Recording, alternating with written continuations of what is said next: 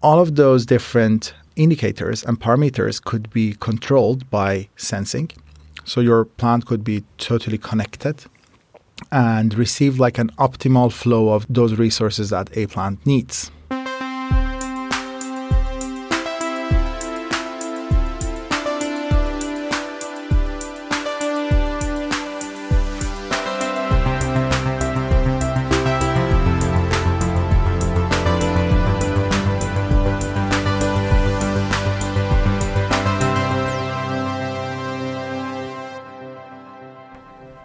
This is Heja Framtiden, the Swedish podcast on the future with an optimistic approach. My name is Christian von Essen, recording from GT30 here in Stockholm, GT30.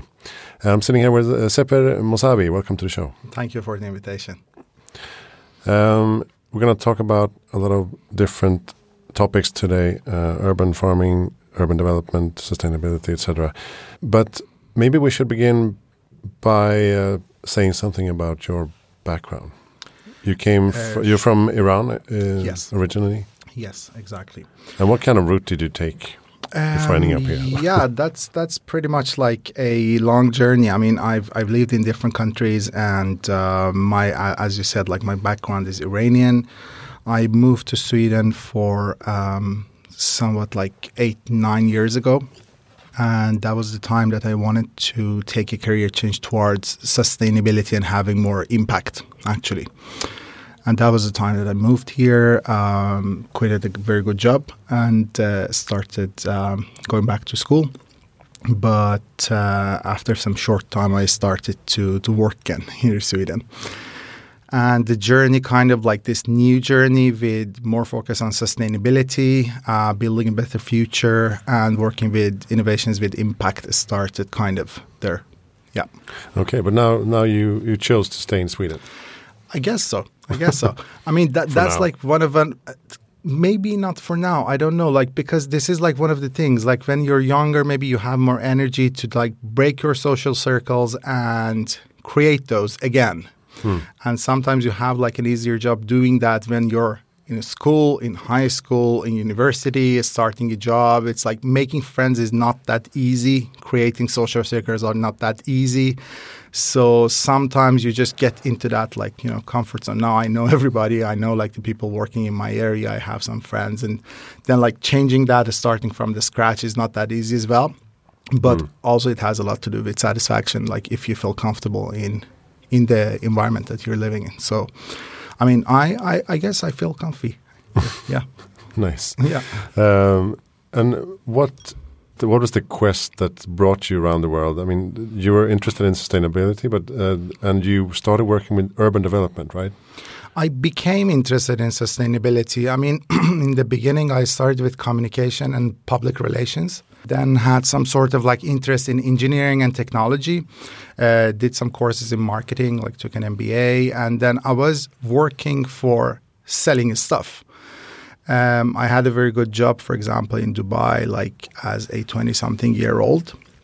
And then I got a project uh, which was a combination of like a PR strategy uh, combined with CSR and sustainability, like how in a in a in a very best setting you would sell your greenwash, kind of. and that was like the breaking point for me because I was trying to do some some hardcore things, and mostly all of the time like you got to know like no this costs so much. No this we can't do. This is this is like a lot of like you know seed money that we would need for like doing a chain. No this will pay in 10 years. Uh, no nobody had that kind of like long term perspective. And for me it was like a- as much like i started like to learn more about like how bad the world actually works. How should we make it better? And what are like the different measures? And we should start like from ourselves and from our corporates and countries because you can't like start top down sometimes. You need to Yeah. like break it down and then start maybe at the bottom up level as well or meet halfway. And that was the time that i kind of like um, thought that I, I don't have any meaningful thing that i'm living around working hard making good money things like that but for what so that kind of like why and what question was the thing that made me more interested in like learning more about sustainability. And then I started like to do like a uh, basically a map for myself. Okay, what countries are good with sustainability, where you could learn most about sustainability. And I mean, Sweden has a good reputation about clean tech and use of uh, sustainable technologies and likes of those, and I'm interested in those. So that was the time that I thought, like, okay, I'm gonna go there and learn some stuff. So did you uh, go to KTH? I went to KTH as well, but first I started at Swedish University of Agriculture in Alnarp, like Oh, down okay. south.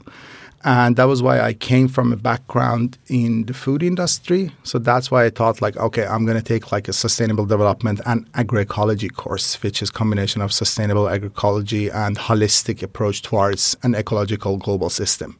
Yeah, I mean, after sometimes I became a bit of like tired of that because um, you know, you could have different approaches towards sustainability as well. You could come like the activism way, or you could talk about like how you go towards the future.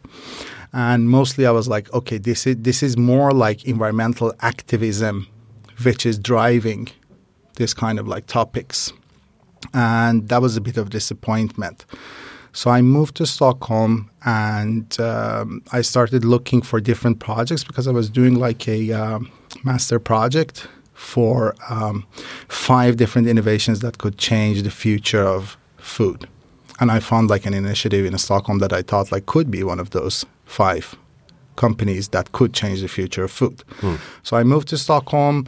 Uh, first, I talked to the CEO like before that um, in the telephone conversation for, for my project. And after like half a year, I popped there, I knocked on the door, and I said like, I'm going to work here from tomorrow. and that was Plantagon. That was Plantagon. Yeah.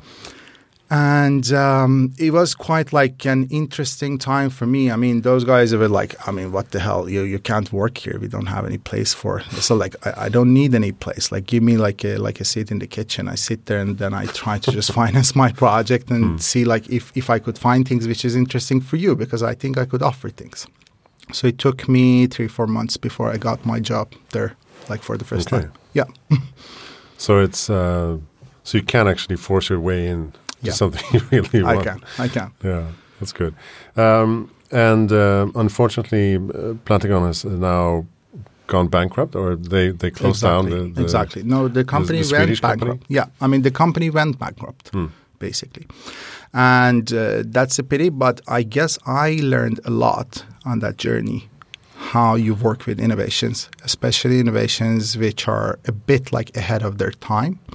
So for me, it was really good. Obviously, not for the people who invested in that or invested their life in that. I also like invested my life, but um, I guess I learned a lot in, in that journey. So I'm I'm just thankful for those years. Yeah. And and just to summarize, I think one problem maybe was that the, the visions were grandiose uh, Yeah. to change the world through urban agriculture, Mm-hmm. urban farming, and uh, the f- the fact was that you need to start from the bottom, basically.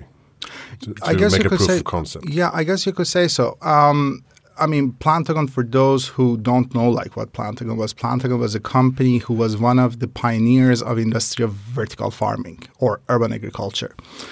And the idea was that you would use like technical solutions, which were basically like about like movements and uh, you know engineering, mechanical engineering and automation, that you could produce a huge amount of uh, food like inside the city borders, and then create like symbiosis model with the city infrastructure. Yeah, but one of the uh, results from Plantagon was the um, the urban farm uh, underneath um, Dagens Nyheter um, Tower. tower. Yeah, Yeah, the yeah. large newspaper in Sweden. Mhm. Uh, in the basement, uh, there's a there's an urban there's an urban farm producing uh, herbs and basil.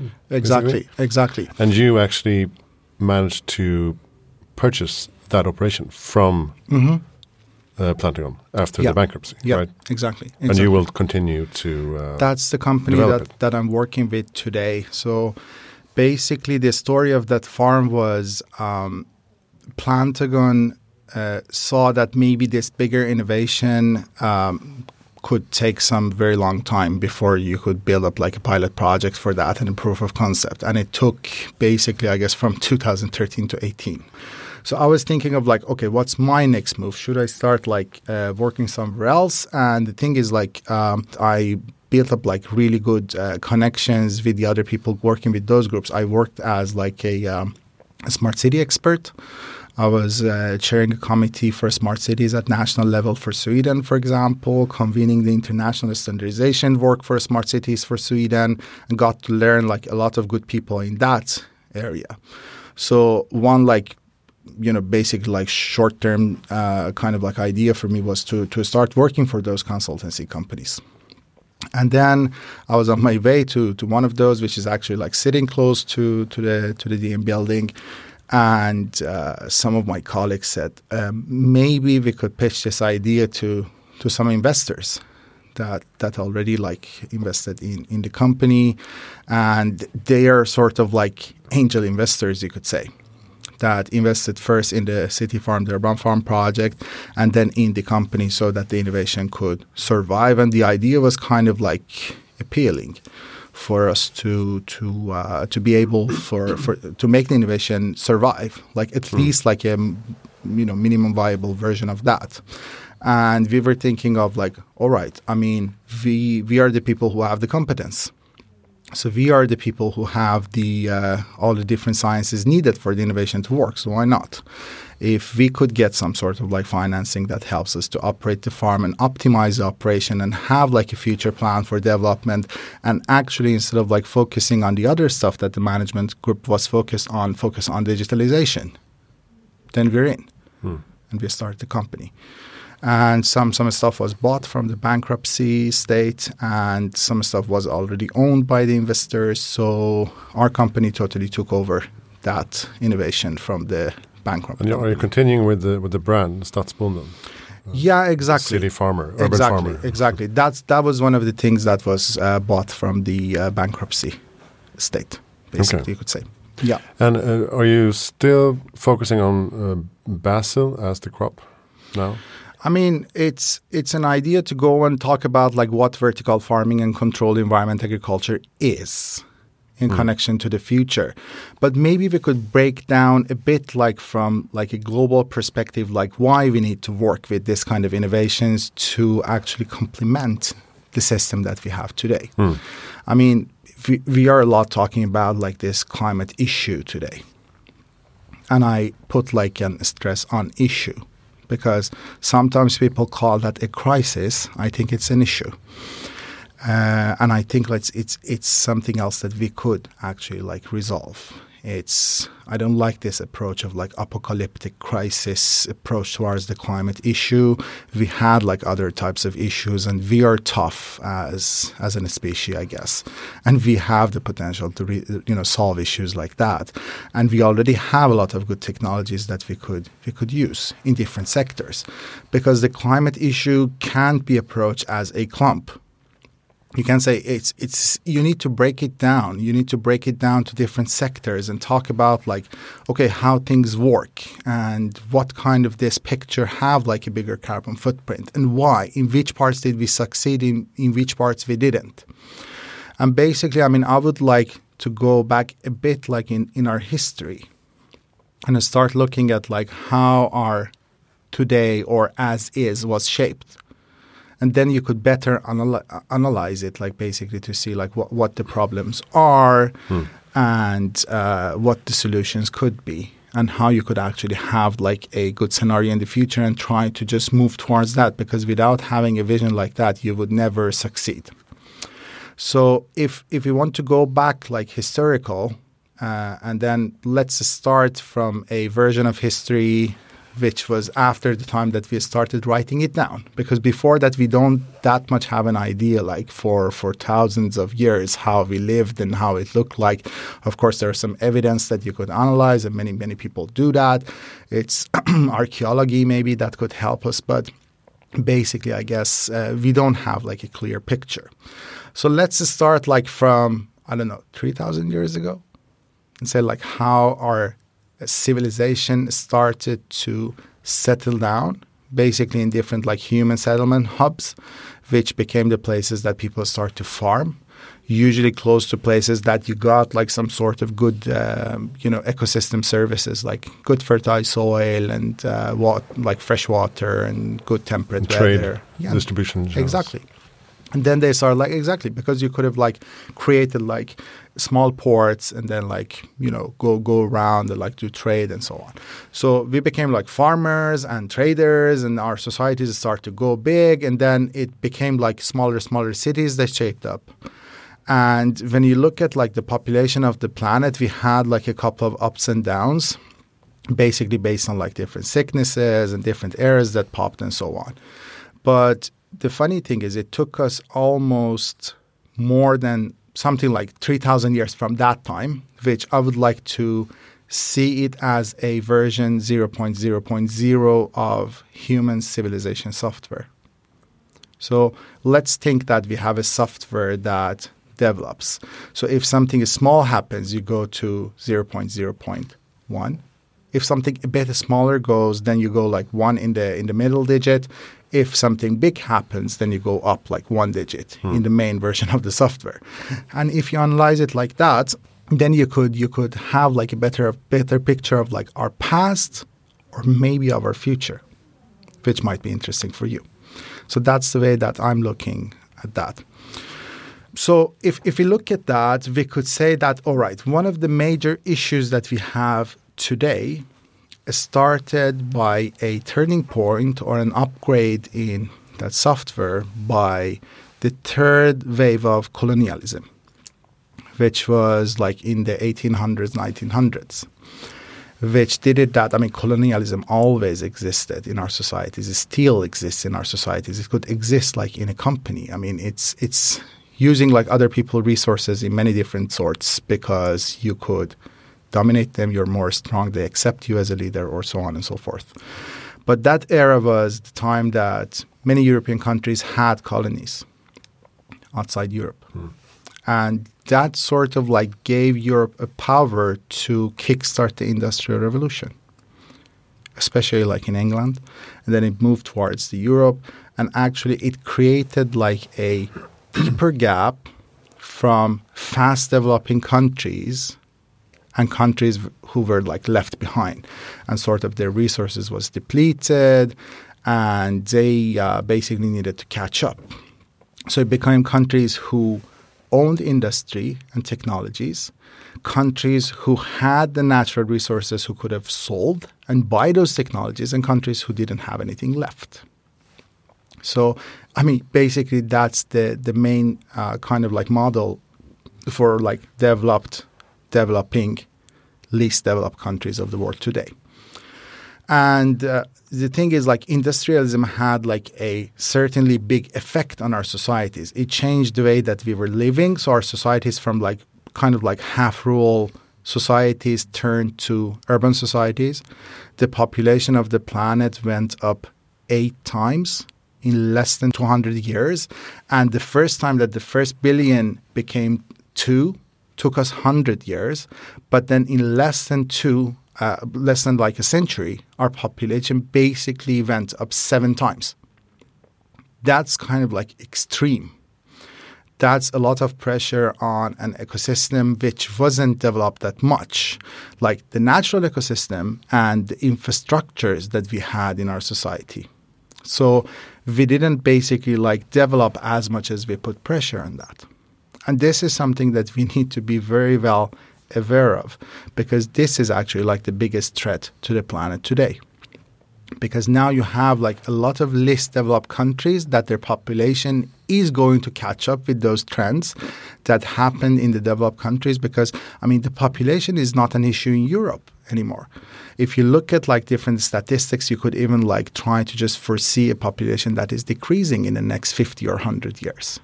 But the African population has a chance of becoming like four times bigger. So instead of a billion Africans, it's going to be four billion Africans. Instead of like 700 million Europeans, it's going to be half a billion Europeans like residing. Hmm. And then do the math. People look after like better life situations, especially if you're coming from an origin which is which doesn't have those kind of like hygienic factor. So that's one of the things. The other thing that happened was globalization kind of like movement that happened that created the global logistic system in different industries. and food was one of them energy is another one of them. So we created like okay now we found like some some good sources of energies. In the beginning of industrialism you start, we started with coal. And then after the second world war which is another like turning point in the human history based on a lot of different trends it was the time that we had super like so much innovations happening because in the time of like war time of difficulties, when we have motives like fear, when we have like high kind of like um, a race, basically, things develop. And during that time, many things developed. Nuclear power, for example, was one of them, which was like a breaking point in like us having uh, certain global wars, I guess, because you can't easily like use that kind of weapons on each other you you could actually be like a threat to to to the whole whole planet by using those weapons. Um, and then uh, we started like going for oil instead of like uh, coal after or during the between like the era of like first and the second world war which created the, the today's energy system which doesn't work, but it's based on like a logistics system that the, the oil comes from some places and you buy that and then the energy companies and so on, which are keeping like our energy system from going renewable. And food is another one of them that became like a global thing. So you pushed like the, the farming away to the countryside, and then you thought like, okay, it's not about like countryside and the city. It's more about like a global logistics. So okay, I'm I'm gonna need like uh, 50 tons of uh, you know class one avocado on the 15th of June, and I don't care like where does that come from. So it's more or less like that. You created a system that didn't have any touch left, like between those kinds of things that we used and and the people. So uh, this was the the other trend that maybe we could we could talk about, seeing like okay, why innovations like um, you know urban farming are are needed in our societies. yeah. okay, where do we go from here?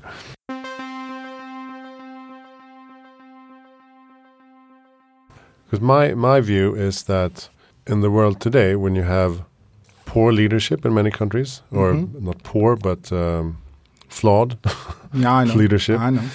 And the urban areas have so much more impact on environment, nature, climate. Mm-hmm. That's where the power lies now. Sure, sure. So the nation states are not as important anymore. Uh, that's my uh, analysis, and but the urban areas are super important. So a mayor somewhere mm-hmm. or a city council or municipality can have far more impact than than trying to get uh, legislation in a country. Mm-hmm. Do you agree on that? That I mean, we have new power hubs in the world. Obviously, I mean, the thing is like the the major urban areas, as you say. I mean, we have mostly like seventy percent of our population residing cities. All right. And the thing is, like many of those cities are kind of like medium sized and small cities, but there's some sort of like bigger cities and mega cities. And the interesting thing is, those bigger and mega cities are the generating hub for 40% of our GDP. Even if you have like a lot of industry, like big industries outside the urban area. So that shows like, okay, where the money lies. And where the money lies, the power lies as well, obviously and the thing is, you, you talked about like bad leadership, and you talked about corruption. We, there are a lot of different talks about like human rights and like democracy and things like that. But we have extremely gapped societies. So maybe we should start there. I mean, when you look at like this report from uh, you know economics, for example, and you see that okay, 26 people have a net worth which is equal to the 50% of the poorest division of population of the planet. That means 26 people versus almost 4 billion people. Hmm. So obviously you would have those people who try to decide how our societies should work. And if you like try to dig more deeper into how power works and who runs the world and how money actually like affects our our world, then you find out like kind of like bigger hubs and bigger like kind of like holdings and, and, and big companies who, who run the way that our, our world basically works and why societies are kept in that way that much extremely gapped and the thing is like there is not that much talk about like education of people and how we should fill that gap and how we should uplift the quality of life for, for those people. Because if you're talking about democracy, for example, in an environment that you have like 100 people who can't talk versus like one elite person who actually might know like what's good for the society, that guy loses his voice. So kind of like meritocracy system maybe like works still in some other countries and still like if if you think like okay they're not going to listen to me and it's not going to like that then you have like a dictatorship like system that uh, actually runs the world which is and then if the leadership doesn't have the kind of like capacity and the competency or has like other motivations that make making like the life of people better you would have like a corrupt system and a flow of leadership basically. So these are like many, many different global issues like that that you could help by like making awareness of people higher, educating them, and uplifting their life situation, which is very challenging and is very ignored as well. So we're not that much talking about like filling that gap. We talk about like helping the people. We don't talk about empowering the people. So, for example, a good example of that could be like how, for example, the amount of like uh, children who who died bef- before age of five was changed quite drastically because of the different aids and different like good care for the pregnant mothers and for delivery of the children and so on. So we actually have like a higher long uh, expectancy, but what was the difference like in those societies, especially like in, in the societies that was built and like, you know, having small scale farmers like outside the country and they they used to have like 10 children and like, you know, eight of them basically died and then now they have eight that survives. And then they don't have any that much like left to basically like divide between them. So the children don't inherit like big of a farm that is viable to operate on. They start like moving, and this is like a lot, a lot of like completing part of the urbanization movement, especially when you look at Africa. I mean, Africa is in stupid kind of like context of putting that because Africa is like a very big continent with different contexts, or the Indian Peninsula. There are many things like that, and those are like the fast urbanizing areas of the world. And obviously, I mean, when you look at look at China, how the footprint of China went up. What was the differences between energy and consumption of meat, for example, in China? It's something that the kind of like this lifestyle that was supposed to be like the modern lifestyle made them consume like that and so on. But back to your question, obviously yes those kind of like city environments i mean they have like a lot of impact on people's life I'm not sure about like how the political power of like a city council or a mayor compares to uh, like a federal government or a national government or a regional government because still like you're talking a lot like country to country.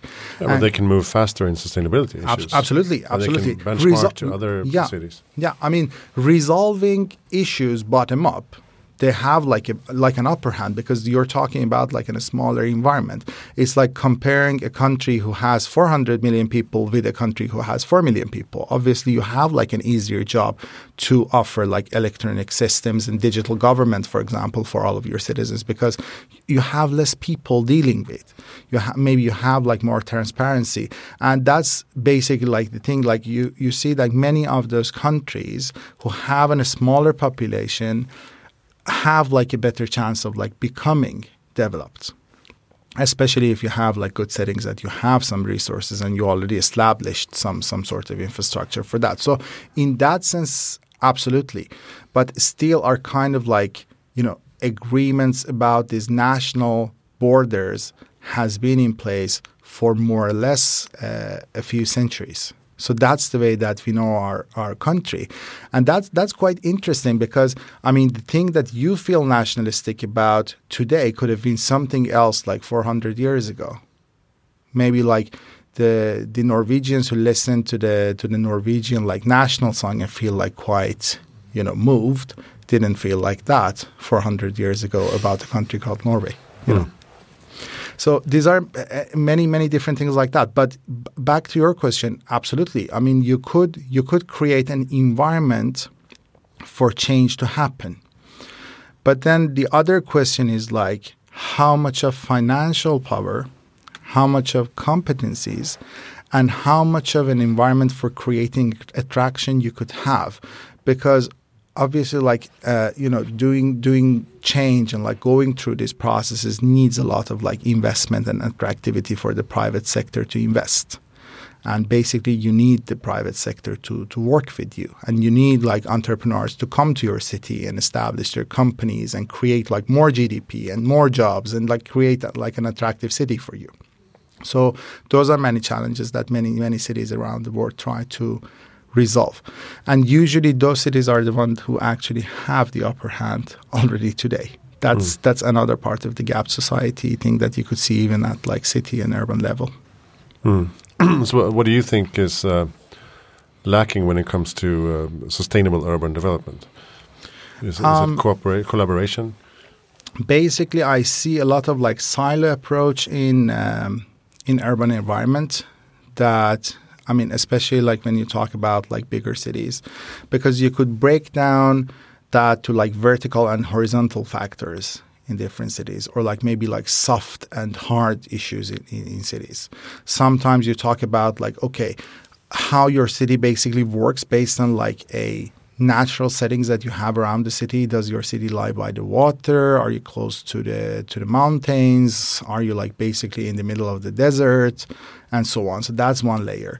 Then you come down it's like different type of infrastructure that was built for city. Is your city a super old city that has infrastructures that are like super old or like like mid old but is still working? Because that's like also an issue of like do you want to renovate don't you want don't you find the incentives to change? So that's like another issue. And usually with like half modern cities they have like the most difficulties because still like the lifespan of those infrastructure are not over and you don't find the motivations to actually replace them. So that's that's an issue. Then you come down to the next issue which is like the different functions. So you talk about like for example infrastructure like roads and streets and likes of those and then you talk about like function of mobility then how you could try to work on making those functions smarter and uh, more sustainable. And it goes back basically, I guess, to those four or five different areas, if you could call them like areas, which has like effects on how you shape your future. We talk about like, okay, the technological development and trends, which is one part the economical situation and how the economical situation basically works, the societal values, the life philosophy, psychology of people, the way that we decide to do things, because sometimes we want to owe things, sometimes we don't. Like compare maybe like the uh, younger generation to our parents our parents they basically thought like owning things was good. So you wanted to have like your house you wanted to pay your mortgage you wanted to have your countryside house you wanted to have like your two cars. But maybe younger generation thinks like i could use cars as a service. I could share them with my neighbors because it's like super stupid to just, you know, have like a two by two problem like on my hand all the time and pay like in, in forehand for that and then sell it in five five years for basically nothing because I drive my children to soccer matches like every weekend or drive to countryside like once a month. Mm. So that's like the other thing that also has like a lot of effect like when you talk about shared economy solution for example in different functions and then you break it down between like the communication between the city and people. How much of that is driven by the city? How much of that is driven by the private sector? And what is the collaboration in that sense? So these are like quite advanced ecosystems in four or five different layers that you could analyze them and each of them need a lot of work and you need to have like a lot of upper hands is those if, if you're going to be successful. And obviously it depends on your already success factor like how much of like power you already have how much of good settings you already have and how much of like maybe good settings at national level you already have as well. Because there's a lot of difference between a city like Stockholm, for example, with 1 million population compared to a city with 1 million population in China, West Asia, mm. East Africa, and other places. Yeah. But you see, do you, do you seem to see uh, urban farming as a, a, complement still? It's not something we need to, we, we don't need to produce all our foods in, in, in an urban environment, mm -hmm. but some Is that is that your approach to you, it? you could talk about that. I, I see urban farming as a function that is being introduced back to our societies because I see a lot of sustainability moves are about breaking that global picture to a local picture. Hmm.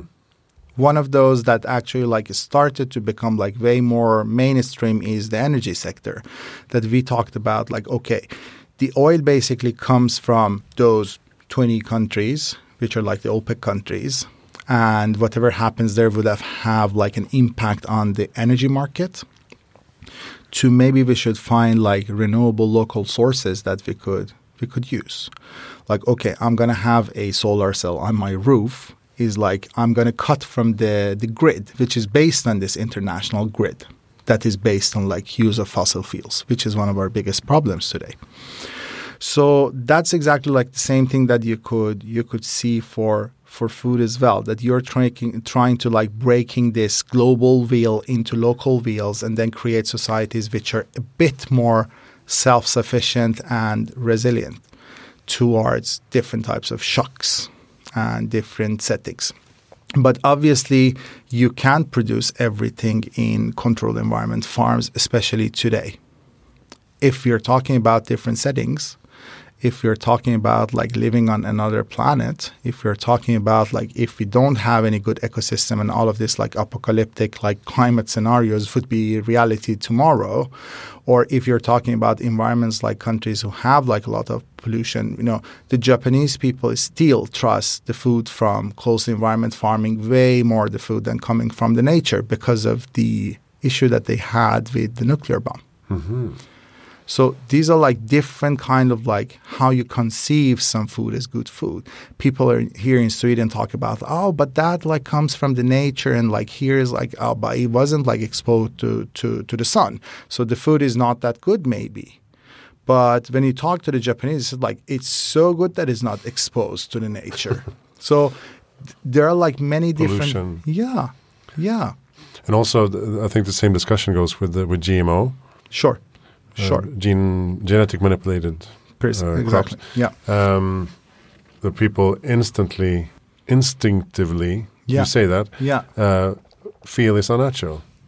Wh- While while you Yeah. actually can produce far more better crops for far less money to feed Mm. far more people. No, I guess two things that you could talk about, like GMO, is you shouldn't um, basically mix up GMO with plant breeding. These are like two different things. Plant breeding is, I mean, you're a tall person, you decide to have tall children. What do you do?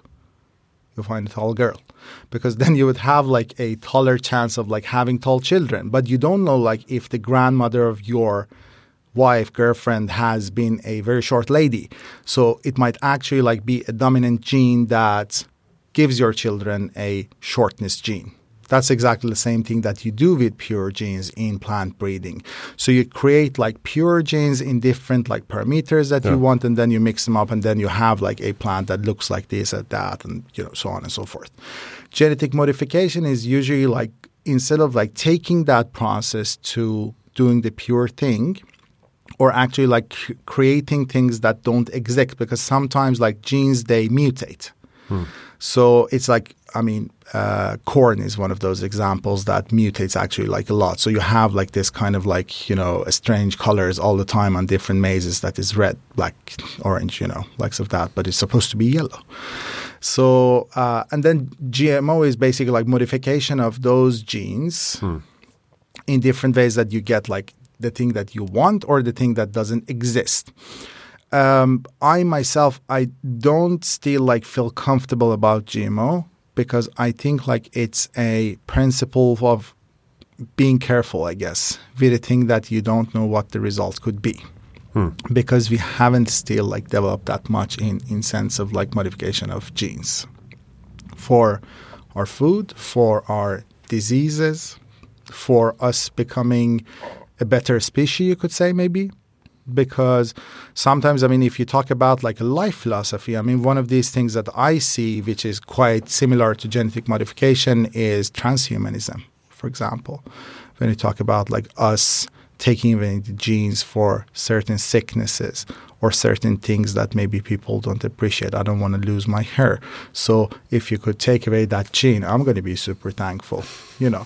So there are like a lots of different things like that that we could discuss about like genetic modification that might be good or bad, but what are the limits? What parts of that are ethical and so on and so forth. But uh, genetic modification is an interesting science, but I still like feel a bit like uncomfortable about that. But Yeah, now we're going to have Yeah. the the ethical discussion on, as you say, the the human side. exactly, exactly. because How would you like your yeah. children to become? Yeah, exactly. Like, okay, it's like, h- how do you like your steak? Like, it should it be like medium rare, but your children a bit like different, Yeah. and how much of impact you're allowed to have on their life. But I mean, obviously, if I don't want my children to have diabetes, is it bad? But if I decide that my children should have green eyes or blue eyes or brown eyes, maybe this is not. But obviously, you're doing that because you're giving your genes to your children and you're deciding who's your partner in creating your children. So I already have a lot of like impact on your children. There's a really interesting book on that uh, called Hacking Darwin. Right. Um, and he claims, the, the author claims that uh, in the future we will be looking at those having sex to reproduce. That would be like uh, uh, really weird yeah. because they will be jeopardizing everything.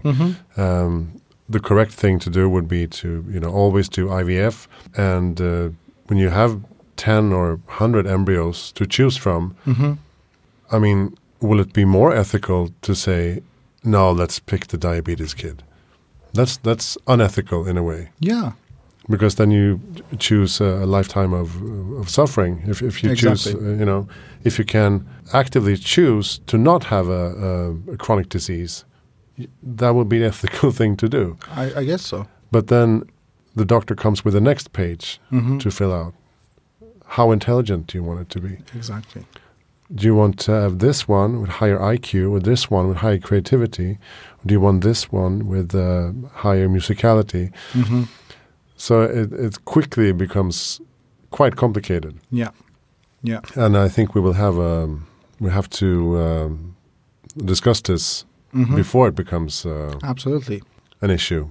I mean, we are doing it in a natural way, and usually people who are more intelligent or more like uh, have like a sort of like an upper hand in their life or are successful in their profession or good looking, this is another kind of like good luck because your genes ended up in a set. I mean, you can't define like beautiful and non beautiful like by uh, anything else than the day's of standards because sometimes like people call something beautiful which 400 years ago wasn't maybe like beautiful. You you look at like all of this like pictures of uh, people who are like left from different eras and it's like wow was it like the uh, you know the the wife to the king? Like he decided that she's she's beautiful but i mean that was like the beauty standard of the day and then people followed those. So you basically do that by your instinct and that's another part of our like successful people creating successful people and then deepening the gap. And then another thing that is happening in our world is like more successful people not all of them obviously have like less children than the people who are not like well aware of like how much of upper hand you should actually like give to your children in a tough world out there today which is changing our the way that our wealth is distributed in different families and keeps like remained in that those who actually like make your children's life quite quite easier Yeah, that, that's one thing that concerns me a bit. That, Yeah.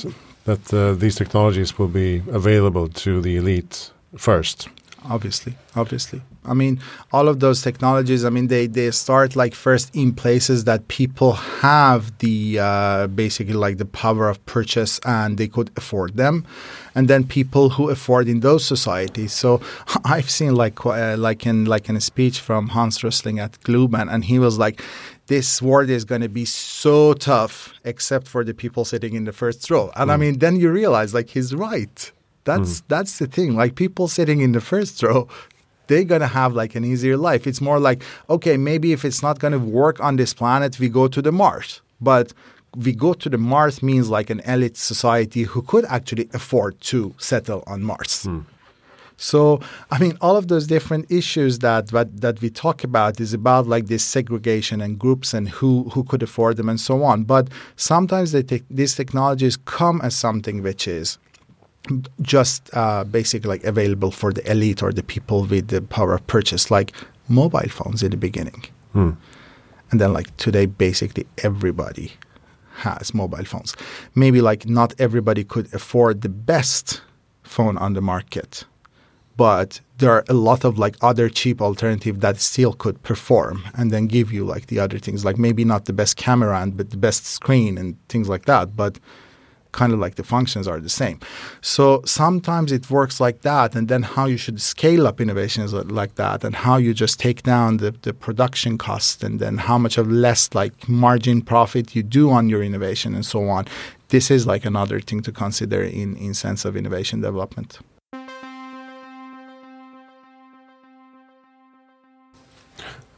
All right, so let's talk a bit about uh, the future of uh, urban farming that you're now getting yourself into. Yeah. Uh, operationally as well. Um, you, you talked about the digitalization of of, of uh, farming. Uh, what do you mean by that?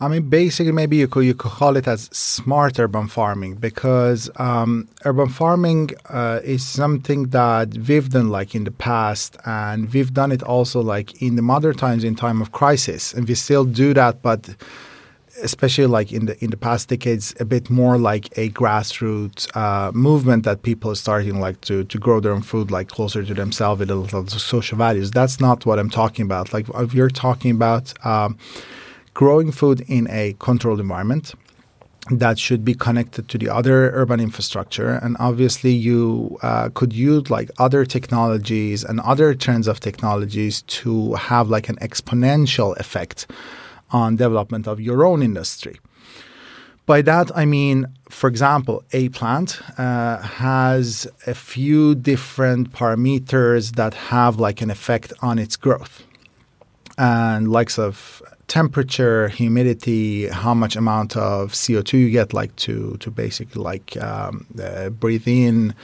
You know, uh, how's your ventilation system? How much of breeze you get? What kind of nutritions you get, and so on and so forth. How much water you get? You know, and then all of those different um, indicators and parameters could be controlled by sensing. So your plant could be totally connected and receive like an optimal flow of those resources that a plant needs. But obviously, before finding those optimized systems, you need to analyze like what's the impact of, for example, 25 degrees, 90% humidity, magnesium in that, that phase, phosphor in the other phase, that much water, that much distance between your plants, and so on, on the output of your work. So you need to code your data you need to have like another way of measuring. One measurement could be like uh, the kind of like yield that you get at your farm. The other measurements could be some something that we are working at at the moment uh, by creating like a um, you know face recognition for plants. You could call it. Mm. So you could actually like analyze a plant how it see how it's like basically looks like and uh, also like a technology called vision diagnostics that could give you uh, different temperature in, in a plant, the color, the uh, nutrition, basically, like value of the plant, and so on and so forth. So, by creating these two different flows, then you could use first big data because you generate a lot of data in a big farm and you have like a very good uh, climate control solution that gives you the upper hand actually to um, to have like good data in, good data out, because that's one of the flows for many different initiatives who didn't succeed by connecting the plants or they didn't have like big data. And the, also the interesting thing about your about your um, operation is that you actually produce energy, right? Yeah. To the building. Yeah, exactly. Uh, and you produce uh, cleaner air mm-hmm. to the building. Exactly, exactly. So that's uh, that makes it an inter- interesting ecosystem exactly. that you can you can scale and and uh, real estate owners and uh, construction companies can actually mm-hmm. use uh, the greenhouse exactly exactly in, in the basement mm-hmm. to uh, to improve operations and energy and right. air and actually earn some money on it. Exactly. You you add like a function to a building.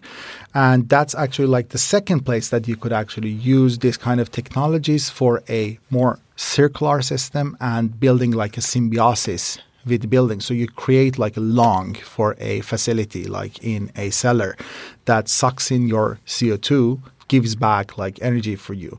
You're using clean energy. The building is using from like the mainstream national grid and uh, the district heating system, which is based on steel, like a lot like fossil fossil fuel. So you could lower down their energy effectivity if you're harnessing your your surplus energy and you could give it to a building.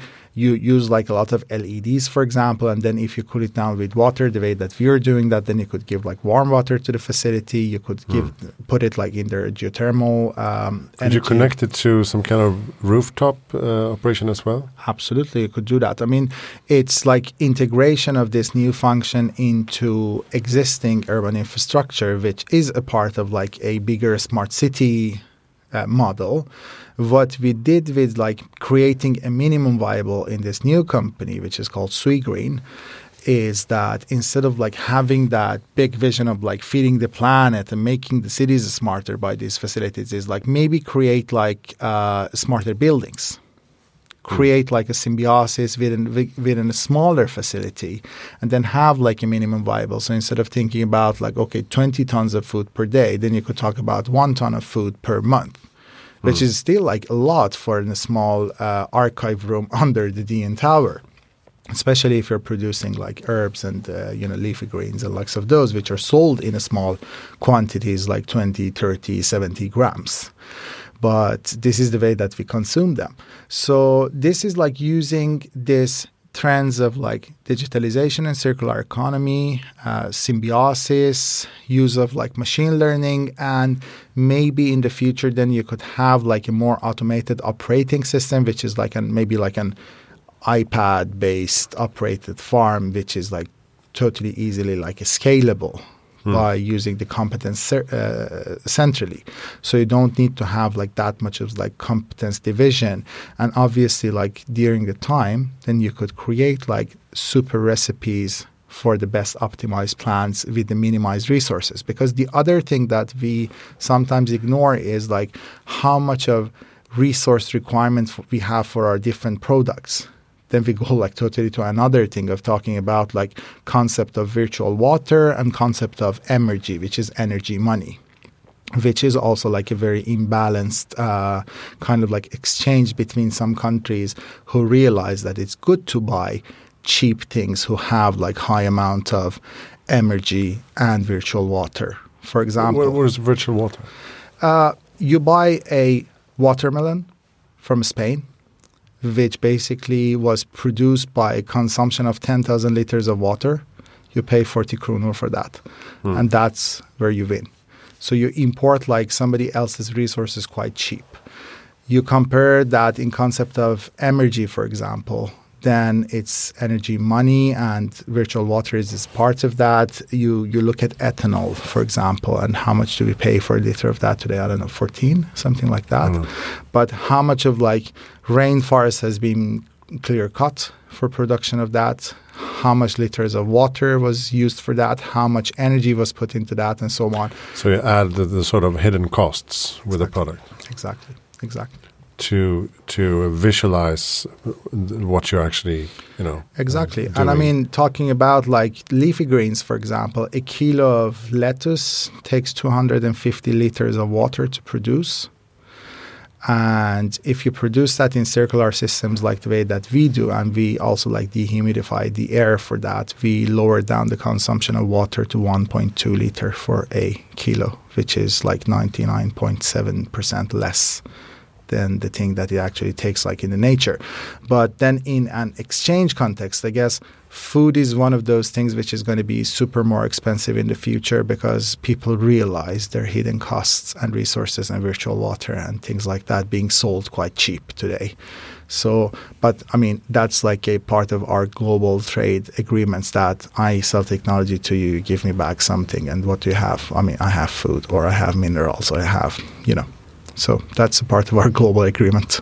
What other crops or plants do you think can be um, grown in, in an urban environment? basically all different plants could be created uh, i mean you could create like an optimal environment for any plant in an urban farm the issue would be like if you break down the sustainability to these different uh, three pillars of social environmental economical. Let's focus on uh, environment and economy here. Because like okay environmentally maybe you could you could create some some uh, produce that gives you like 100% biomass by those resources that you use and the available technologies that you have for them today. I don't think if like having an avocado tree for example is a very good idea both environmentally and economically viably but you could definitely create those plants in those environments. If you're talking about like creation of food in space, maybe you can't put like a price tag on a kilo of uh, potatoes on on uh, moon maybe. And that's exactly the same technology that is used in the space missions for example. And vertical farming you could say maybe it was like an spin-off of the journey to moon because many different space agencies today work with uh, vertical farming and controlled environment agriculture because yeah. it minimizes your resources. So I've worked with uh, the space agency in Germany, in Norway, with NASA, and with the one in, in the Arab Emirates, for example discussing like uh, what kind of like similar technologies we are using and how, how we could we could like collaborate together. So why don't we see more initiatives like like yours? Basically i guess it's an issue of like making making something mainstream. Like let's look at an industry like e-cars for example. For how long did this innovation exist? Like I was a child and it was all over like in different like scientific magazines and all the time that you looked it was like oh this car this car runs on electricity but it wasn't like really beautiful. I said like the maximum speed is like 25 kilometers and so on. And so people created a prototype which never got like mainstream until some crazy entrepreneur decided that he's going to be his own VC and he created Tesla. So you disrupt the market. And then everybody else follows you. Sometimes, if you're not a very good entrepreneur, you don't have like a very smart strategy, you vanish as a first waver. Like, look at other industries. Like, I don't know, like, uh, which wave did Google come from? Second, third? We're like the first browsers. Mm they don't exist anymore. They created the market because the overheads was uh, basically like heavy. Uh, you weren't like complete. You didn't maybe like could take all the tension to the way of becoming the best. So you vanished. Somebody else took everything that you have like almost for free. So that's pretty much like a thing that has happened to our company, for example, that a lot of development and competences followed with us that somebody else paid for. It's a thing that happens usually. And then the sec- second waiver always has like a better chance of winning.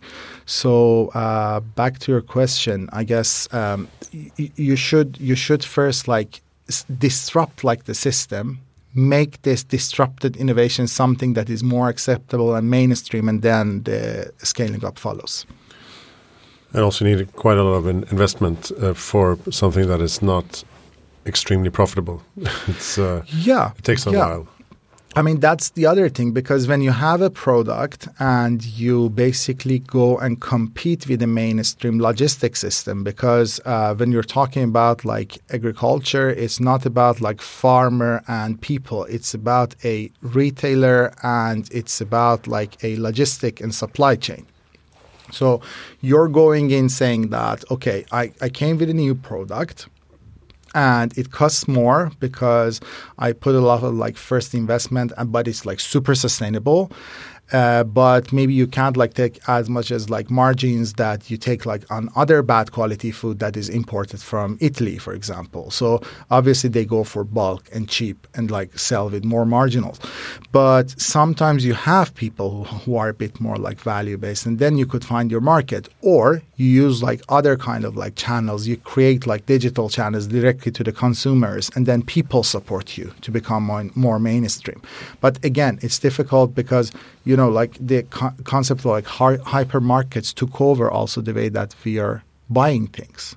And now we're doing that in an on- online setting as well. So first you need to like disrupt the innovation setting, then you need to disrupt the market. And those two together are quite like heavy thing to, to lift. So You you still need push. to rely on, on the, the traditional infrastructure in a way. Yeah, yeah, absolutely, absolutely. And you need to adjust yourself after the way that the things work, because you can't like say, "No, ah, but then I don't accept the way that ICA works." Of course, you need to respect that, and of course, like they work. I mean, they're getting food to the people, so the concept basically works. It has you know its flaws, and maybe like those people themselves, they they obviously know about that and try to like become more innovative and try to be more effective and so on. But bigger organization need more time to change. And they become like a bit like heavier and they become less innovative and so on. But that that's why i mean like startups you could like change direction like every day and nobody like basically nags. But in bigger organization then you have like five different levels of management and you have like a ceo and like 10 vps and then you have a board and then you have your owners and hmm. you know it's difficult It's like when you when when we discuss um, uh, the Heja Framtiden project in, within food tech and sustainable future of uh, the um, food system. You can't say that everything needs to change now. Everything needs to be different. exactly Uh, forget what you knew. This is the new. yeah, exactly Uh, because people won't buy into that. exactly Uh, you need the um, small incremental changes and the disruptors and the existing ecosystem as well, and Yeah. the logistics, because that's the reality, I think. It is. It is. Or you actually have like that much of muscle and a very good plan that you don't basically at all talk to them and come with your innovation to the market and let the people decide. So hmm. that's also like something that is way more advanced and viable, but you need to be really good to be able to do that. We need all approaches at the same time. in a way. Exactly. Exactly. It's a mix of like solutions. You touched upon um, population growth and Mhm. demographics earlier. Um, do you think that uh, the population growth will uh, slow down and, and stabilize in 50 or so years? I guess it would do eventually, like it did, like for for the countries who actually people start to become more aware about like consequence of having like eight children.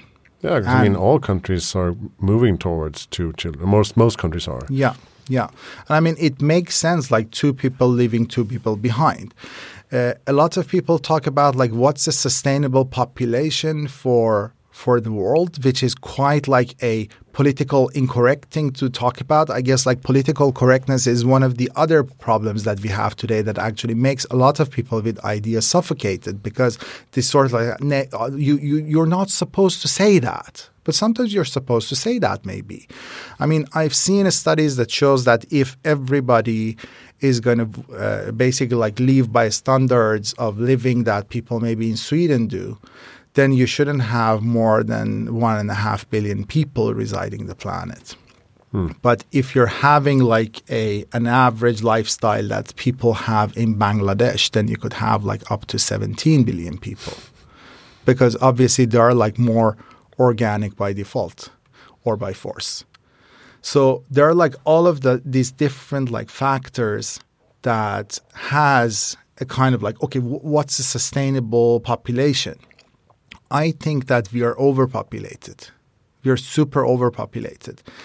And you can't like go up like seven, eight times in population in a century without like having the infrastructure or development for that and then not face a serious problem like that. It's like a very good example of that like is the algae situation during the, the summers in different lakes that the algae is pop, the, the whole lake becomes green, and that's like, I mean, their population taking over, but then they overshadow and they block the, the, the, the sunlight basically, and then the, all the other ecosystems in the lake die, and then finally you die, and then they, they just fade away, and then the other things pop. And that's that's the thing that happened in our planet. So I don't I don't like the picture of saying like we are ruining the planet. The planet has been here for billions of years. It's going to be here by another billion year or maybe many more billion year if no asteroid is going to like you know hit it or something other like another big bang is going to happen or so I, I don't know. But it's different species that basically adjust themselves and pop based on different ecosystem services that you get. And what we're doing at the moment is we're ruining an ecosystem service that is that is working quite well for us. But if it's going to change, then we would have to change as well if we want to survive. So these are like all of those different like dilemmas that we should think about. Like we're not ruining anything. There is nothing called as like oh our mother nature is becoming like I mean yeah that's our ecosystem services that works for us. But if if not us, then somebody else takes over. Hmm. And um, what's your best tip for making the world a better place? I mean, um, I'm a very technology interested person.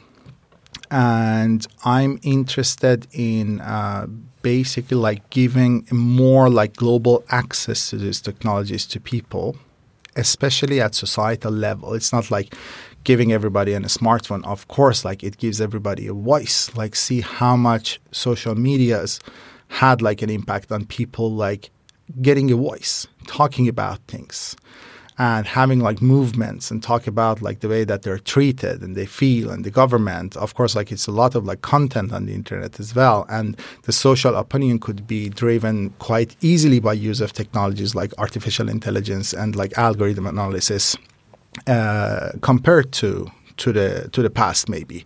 So instead of like people uh, basically like giving hot dogs to people before they go and vote, they try to just impact them on their social media like Facebook and Twitter and Instagram and likes of those. Uh, not exactly those, but more like societal technologies that you could make available for people, like digital platforms for for education, better energy systems, better food systems, better sanitation systems, better water systems, and so on. But basically, these are like huge investments, and mostly those innovations are owned by the private sector. And then I'm thinking more or less about like what's the role of governments or this like higher than government organizations like the European Commission or the United Nations and likes of those to put more effort into creating incentives, other incentives, or matching like financing for the private sector to make those technologies publicly available. Because obviously, if you have a startup with an idea, where do you want to sell your uh, product?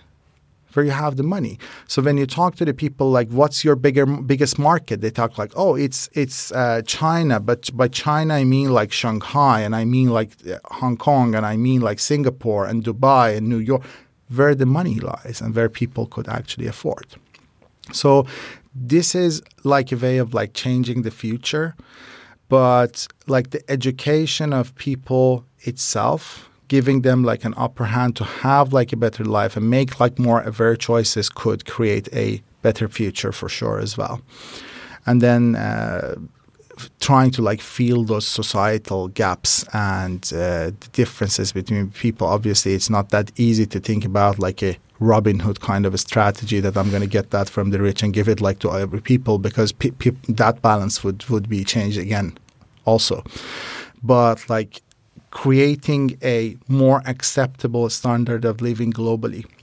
But these are like super difficult and hypothetical things. So you yeah, but as you mentioned, uh, the democratization of uh, digitalization and yeah. uh, education will also uh, empower people and will uh, improve democracy and will mm -hmm. um, increase um, lifespan and will uh, stabilize population growth absolutely in a way. Absolutely. So you could actually like try to uproot one of the reasons for our climate change or try to slow it down because we see like in societies that the level of education went up those kind of trends or they bent it quite like fast and started like to decrease.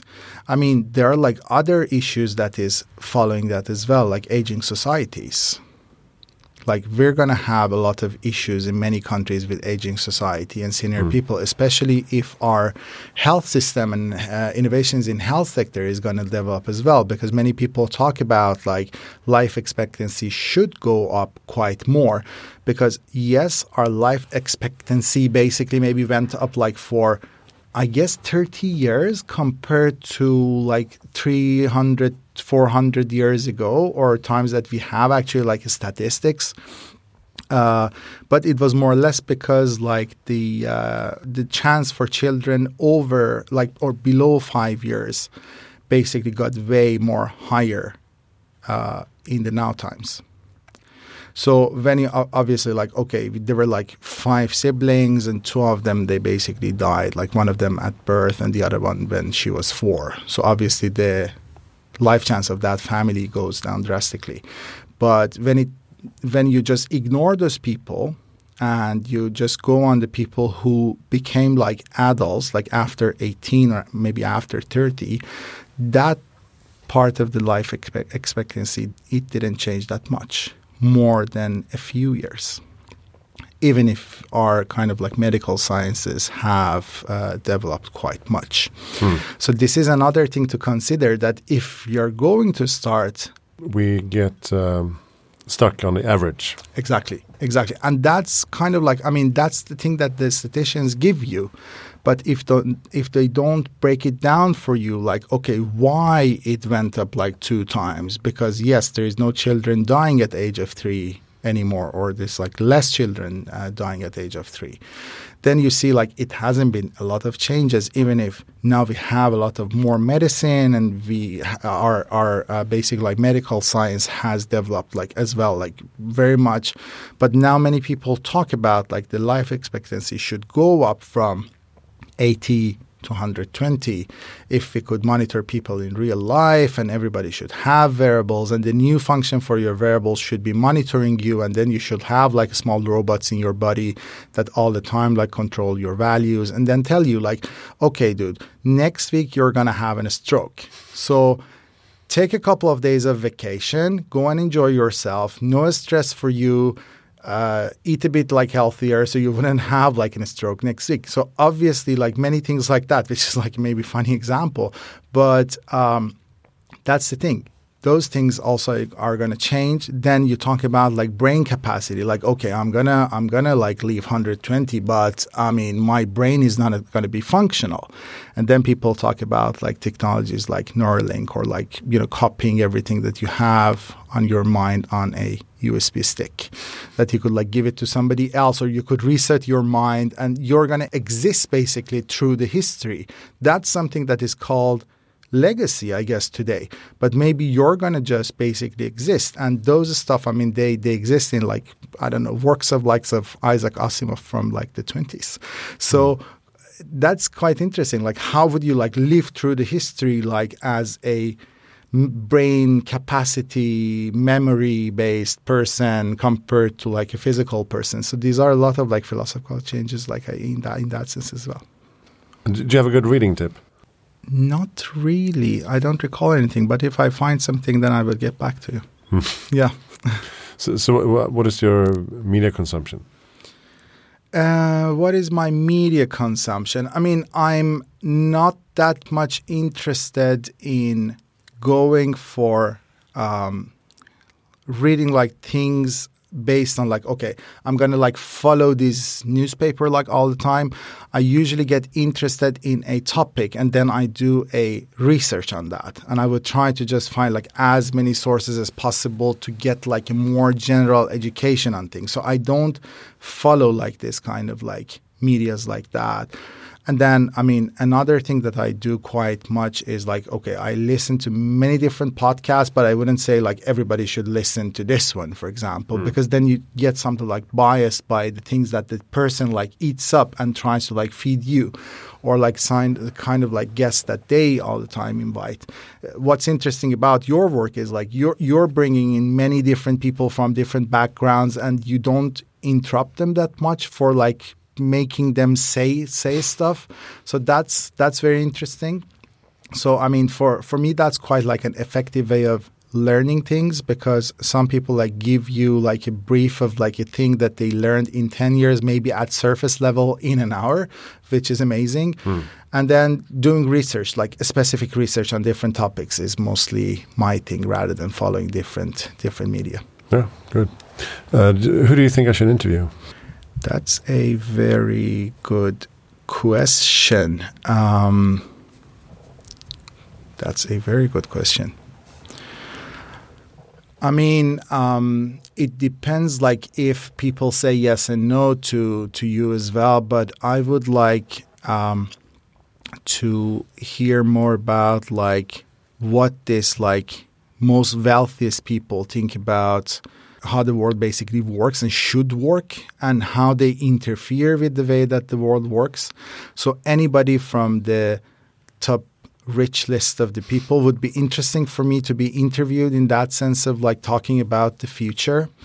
And then many of the people who have like an they take this kind of like champion for change role, like of I don't know, like like Musk, for example, would be an interesting person that to to talk future about, but not about like how he tries to shape the future, what innovation he sees, rather than how he, he sees the changes, and in connection to those people controlling, because obviously you have people who have like high net worth and high impact, but still, I guess they're impacted by this global uh, economic system that works.